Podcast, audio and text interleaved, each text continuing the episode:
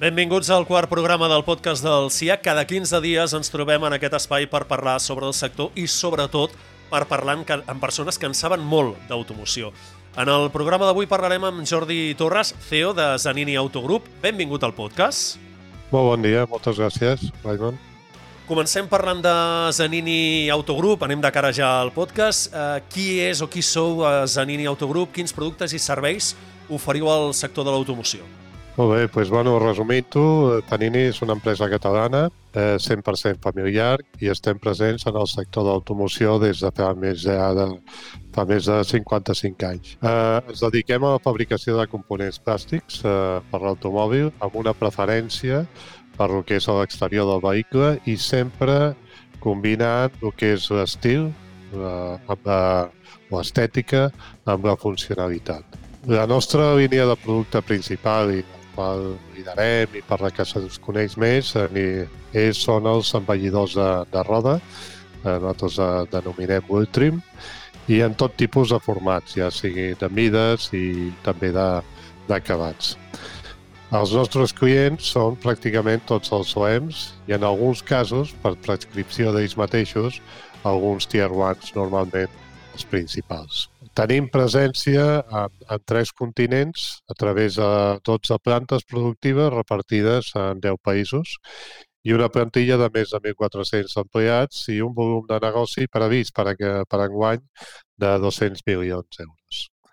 I aquesta seria, en síntesi, Zanini. Doncs un cop conegut eh, Zanini, avancem en el podcast. El sector està immers en el canvi cap al vehicle elèctric, altres formes d'energia, també mobilitat, és un debat que ja fa temps que el sector està tenint. Com el veu, aquest debat, i quins canvis ha implicat o implicarà per Zanini? Bueno, de fet, sí, hi ha unes, unes quatre grans tendències dir, del sector d'automoció, que és el cotxe elèctric, autònom, connectat i compartit, són diguem, tendències que ja fa uns anys que, que, es ven a, que estan identificades clarament. No? Eh, potser l'electrificació és la que ha rebut ara una gran acceleració en aquests uh, darrers uh, anys, especialment en, els últims uh, dos anys, i esdevé la prioritat de, del que són uh, els fabricants de cotxes. També la carrera pel vehicle autònom té gran rellevància, ja que els principals OEMs consideren vital dominar aquesta tecnologia eh, de cara a assegurar el seu futur. I s'entenen que el que domini el vehicle autònom també dominarà pues, el, el sector. La connectivitat, i ara mateix és un exemple, no? és bàsica en tots els àmbits de la vida i, com no, en l'automòbil pues, això també està, està molt clar. I potser eh, des del meu punt de vista. La, la tendència que potser no està tenint eh, no, que jo almenys no veig tan clara és la del cotxe compartit. Eh, està en dubte que aquest model de negoci pugui ser rentable, aquest és un aspecte important, i al final la rentabilitat a llarg termini eh, és, és fonamental. I hi ha altres aspectes recents, com la crisi del coronavirus, que també l'ha posat, i el propi distanciament social que, que genera, que l'ha posat en qüestió. I hi ha mercats com a Xina, que, per exemple, pues, eh, té un rebot al sector d'automoció i diuen que en part ve donat perquè la gent prefereix el transport privat que no passa al públic. En el cas de, de Zanini, pues, eh, bueno, ja fa temps, amb l'últim pla estratègic que arranca el 2016, ja vam veure que sobretot les dues primeres tendències, l'electrificació i el vehicle autònom, ens podien donar unes, eh, una oportunitat de desenvolupament. Eh? En aquest cas, bueno, per què? Pues, eh, si parlem del vehicle elèctric, el vehicle elèctric, un dels aspectes fonamentals eh, per al seu èxit és el, el rang d'autonomia que tingui. Eh? Aquí, doncs, juga un paper molt important el que és la, la, el coeficient aerodinàmic del vehicle, eh? i amb aquest aspecte, que ara que sembli mentida, però nosaltres ja teníem, estàvem en disposició, en coneixement d'estudis que ja marquen que les rodes eh, representen un 20% del coeficient aerodinàmic total de, del vehicle. bueno, eh, això què va fer? Pues que ja fa molt de temps, amb, alguns clients eh, webs a nivell pioner, hem començat a desenvolupar el concepte de, del que es diuen aerocovers, eh, de, de, que són els envellidors de roda, els, els, eh, però eh, amb la idea de que siguin aerodinàmics, que li donguin el contingut aerodinàmic a la roda. I això bueno, eh, ha fet que, que ens permet extendre vull dir, la nostra aplicació tradicional de Wheel Trim, que normalment s'aplicava per llantes d'acer amb el que era gran format, a aplicar-se també en llantes de viatge. I això és important perquè les llantes d'acer nosaltres havíem eh, havíem constatat una, un, una, una tendència a declinar la participació dels vehicles en llantes d'acer d'un 5% anual en els últims anys i, i en canvi eh, ara pues, optem també a tot el que és la llanta del viatge i ens, ens amplia pues, el mercat. Si ens referim a, a el que és el, el vehicle autònom, aquí també l'oportunitat de vam veure, quan tu realment veies aquests vehicles i pioners circulant i que semblaven robots, no? Veiem tot de, amb una parafernàlia de sensors, vida, radars i tal, que estèticament pues, eren cotxes, pues, eh, diguem, ripes, i nosaltres el que sí vam veure era que hi hauria la necessitat d'integrar tots aquests sensors en el vehicle, eh? de manera que, que estèticament pues que eh, tots van a buscar que, que el vehicle sigui atractiu. No?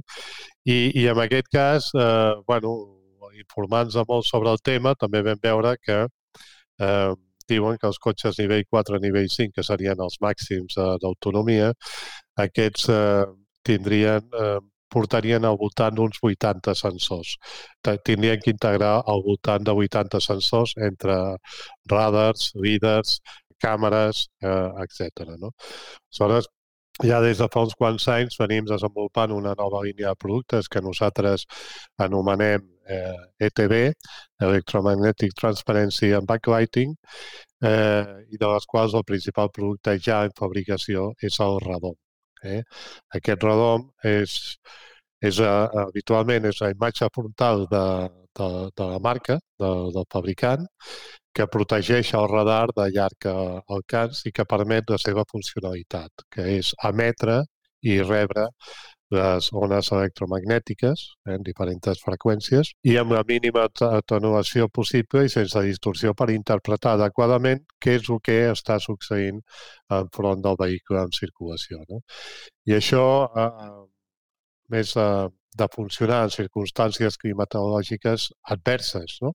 I en aquest cas doncs, hem tingut que incorporar també funcions addicionals com és el calefactat o la il·luminació. Aquests productes eh, representen una elevada complexitat tècnica en el seu disseny, ja que incorporen diversos layers, inclús incorporen electrònica, i després també la seva posterior fabricació. Hi ha una integració de moltes tecnologies eh, de transformació i, a més, encapsular tot això encapsular els diferents components perquè són peces que van a l'exterior. No? I bueno, ens hem centrat amb els redons eh, premium perquè entenem que són els més exigents i els que d'alguna forma l'evolució del cotxe cap als nivells eh, si ara estem a nivells 1 i 2, ja comencem a veure el nivell 3, però l'evolució cap a nivells 4 i 5 és el que ja ens, ens ens, eh, estarem en una posició de partida pues, més avançada. No? És el que pretenem. I tanquem amb l'última qüestió, que vindria a ser una, una pregunta doble. El transport entre Àsia i Europa i les matèries primes són problemes que moltes empreses del sector estan gestionant. Com els afecten aquests entrebancs? I la segona part de la pregunta és quines solucions o alternatives hi ha damunt de la taula?